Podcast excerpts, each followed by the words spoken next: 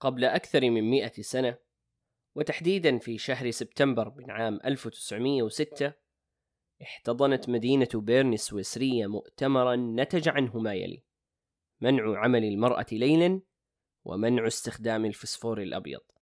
فكانت الشرارة التي أدت لاحقا للارتقاء بمجالي سلامة العمال وصحة العمال في بيئات عملهم. وأسئلتي هنا هل وجود بيئة عمل إيجابية هو بتلك الأهمية؟ وإلى أي مدى تعتقد تأثير بيئة عملك على صحتك؟ وإن كان هناك تأثيرا سلبيا من بيئة العمل على صحتك، فهل تعتقد أنه أقل أهمية من اتخاذ قرار الاستقالة أو البحث عن عمل آخر؟ هنا نبهى مع عبد الحميد، وحكايتنا اليوم عن صحة بيئة العمل.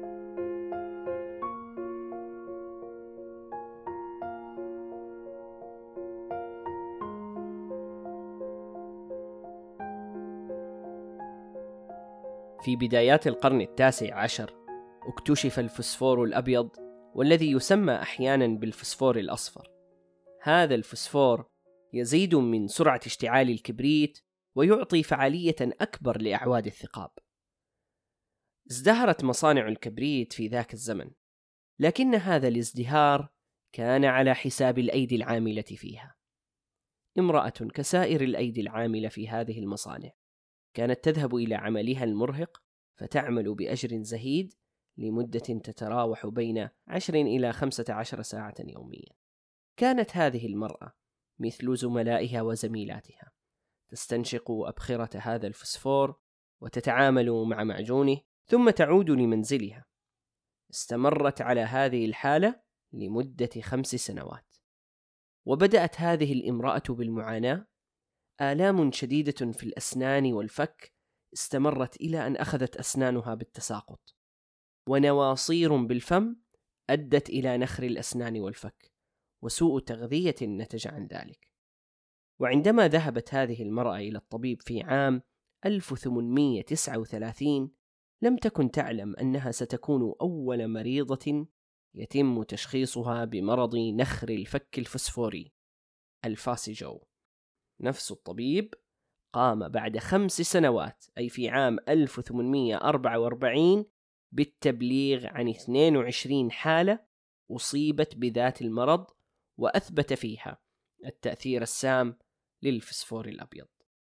استمرت الملاحظات والتأكيدات إلى عام 1906 حيث عقد مؤتمر بيرن وتم منع استخدام الفسفور الأبيض حفاظا على صحة العمال والعجيب أيضا أنه في ذات المؤتمر تم منع عمل المرأة بالليل حفاظا على سلامة العاملات.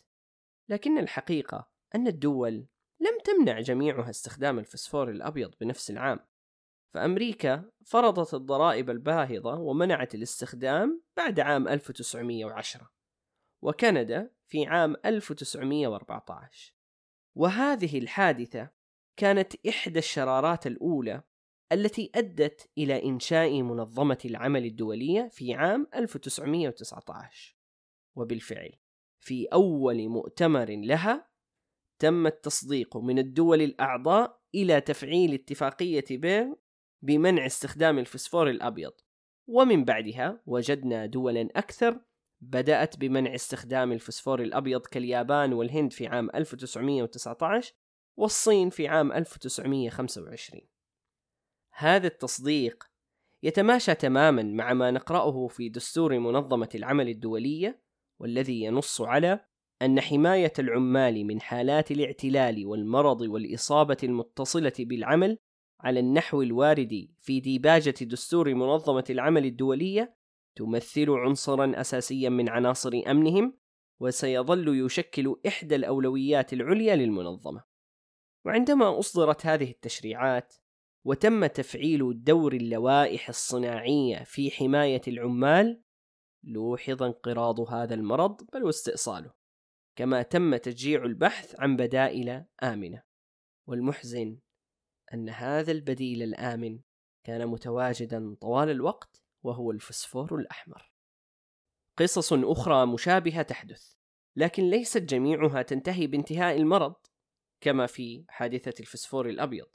ففي عام 1986 أصدرت منظمة العمل الدولية اتفاقيتها الشهيرة بمنع استخدام الحرير الصخري أو ما يعرف بالأسبستس والذي يعتبر مادة كيميائية مسرطنة ويسبب مرض الأسبستوزيس أو ما يترجم إلى مرض تليف الرئتين ويسبب كذلك سرطان الرئة وغيرها.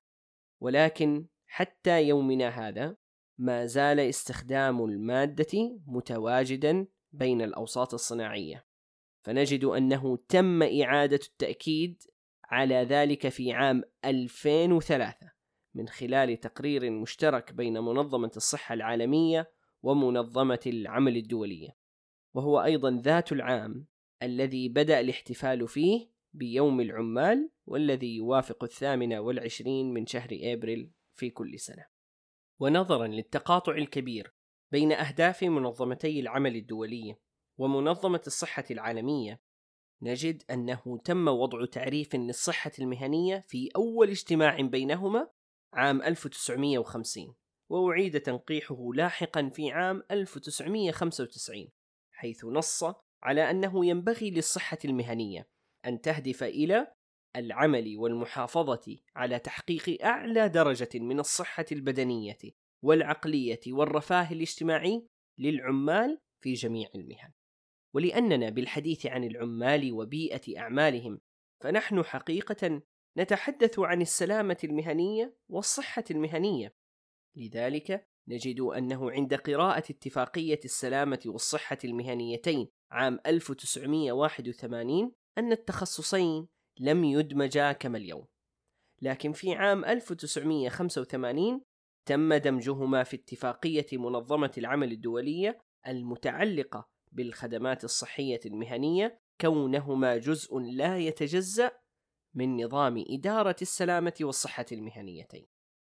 إن هذه الاتفاقيات الشاملة لمسألتي السلامة والصحة المهنيتين وبيئة العمل تهدف إلى الوقاية من الحوادث والأضرار الصحية الناتجة عن العمل أو المتصلة به أو التي تقع أثناءه بالحد من أسباب المخاطر التي تنطوي عليها بيئة العمل إلى أقصى حد ممكن ومعقول. وعادة حتى يومنا هذا عند الحديث عن صحة بيئة العمل يتبادر في ذهننا الإصابات المهنية وكيفية حماية العاملين منها وهذا تصور ضيق جدا جدا.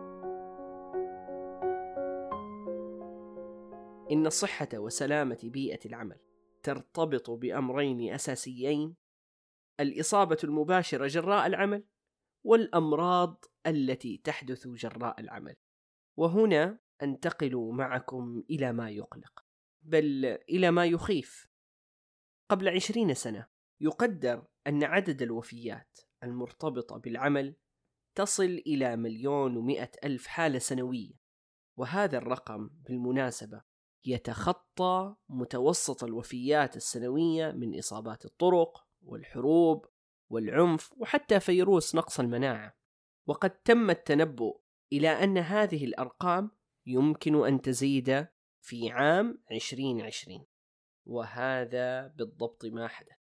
يقدر الآن وفاة 7500 شخص بشكل يومي بسبب مكان عملهم.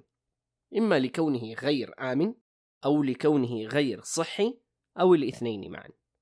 تخيلوا فقط ألف شخص من السبعة آلاف وخمسمية شخص يموتوا جراء إصابات في العمل. أما الباقين ستة آلاف وخمسمية شخص يموتوا جراء مرض مرتبط بالعمل. نعم. هذا صحيح.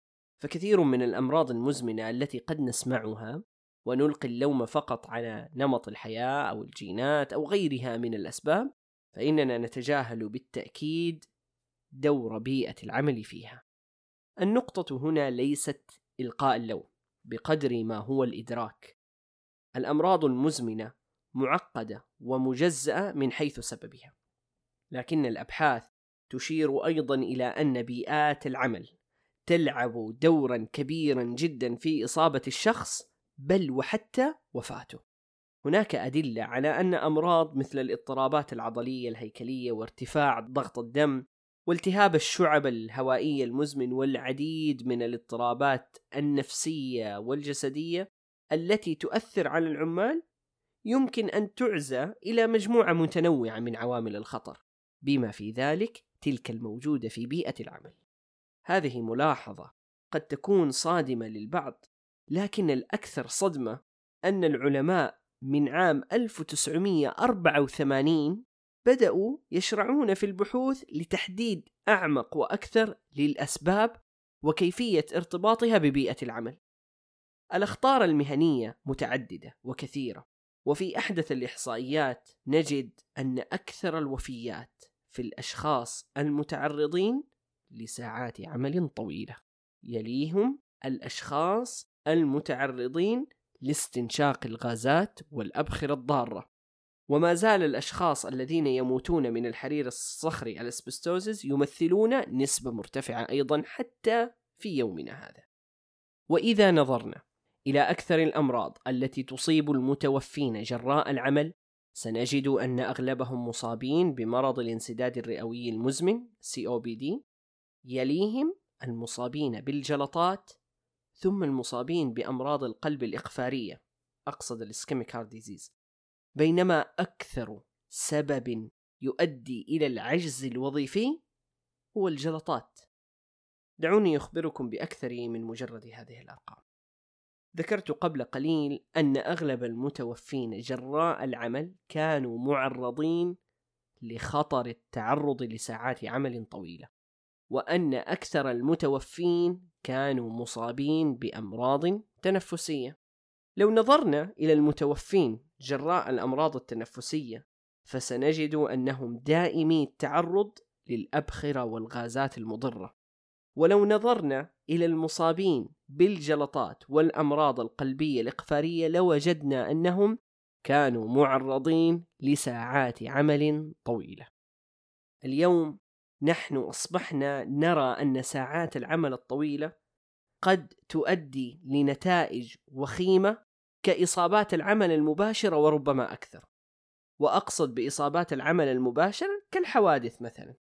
بل وحتى العوامل المؤدية للراحة المهنية وهي ما يطلق عليه في الأدبيات الإنجليزية ال Occupational Ergonomic Factors تعتبر من أعلى المخاطر المؤدية للعجز الوظيفي. العوامل المؤدية للراحة المهنية هي ما يقصد به طريقة الجلوس، وضع الشاشات، هذا مثلا في بيئة عمل مكتبية وغيرها في بيئات العمل المختلفة. هذه الأرقام تعكس ضرورة التحرك والاهتمام أكثر بالسلامة والصحة المهنيتين، وليس الاختزال فقط في الإصابات، فالذين يتوفون من الأمراض المرتبطة بالعمل هم أكثر بكثير من الذين يتوفون من الإصابات جراء العمل. وحتى نصل في الدول العربية لمثل هذه الإحصائيات علينا العمل على طريقين متوازيين. الأولى تسنين التشريعات والسياسات، والتاريخ يثبت لنا كما أن التطعيم كان سببا في استئصال أحد الأمراض المعدية وهي الجدري، فإن التشريعات والسياسات الصحية التي تتعلق بالصحة العامة كانت سببا في استئصال مرض نخر الفك الفسفوري. الطريق الآخر والموازي لتسنين التشريعات والسياسات هو موضوع رصد البيانات. وإن كل سياسة وتشريع إنما يبنى على البيانات ونتائجها وتحليلها. فلا بد من رصد البيانات المتعلقة بالصحة المهنية والسلامة المهنية والتي غالبا ما تكون مفرقة بين المستشفيات والمدن الصناعية والشركات الخاصة وشركات التأمين لذلك وجب استعمال نظام رصد متخصص في برامج الصحة والسلامة المهنية. إننا اليوم نقف على انعطاف كبير في السلامة والصحة المهنيتين. أختم بهذا. اليوم أصبحنا نرى أن ساعات العمل الطويلة قد تؤدي لنتائج وخيمة كإصابات العمل المباشرة وربما أكثر. كونوا بخير في وداعة الله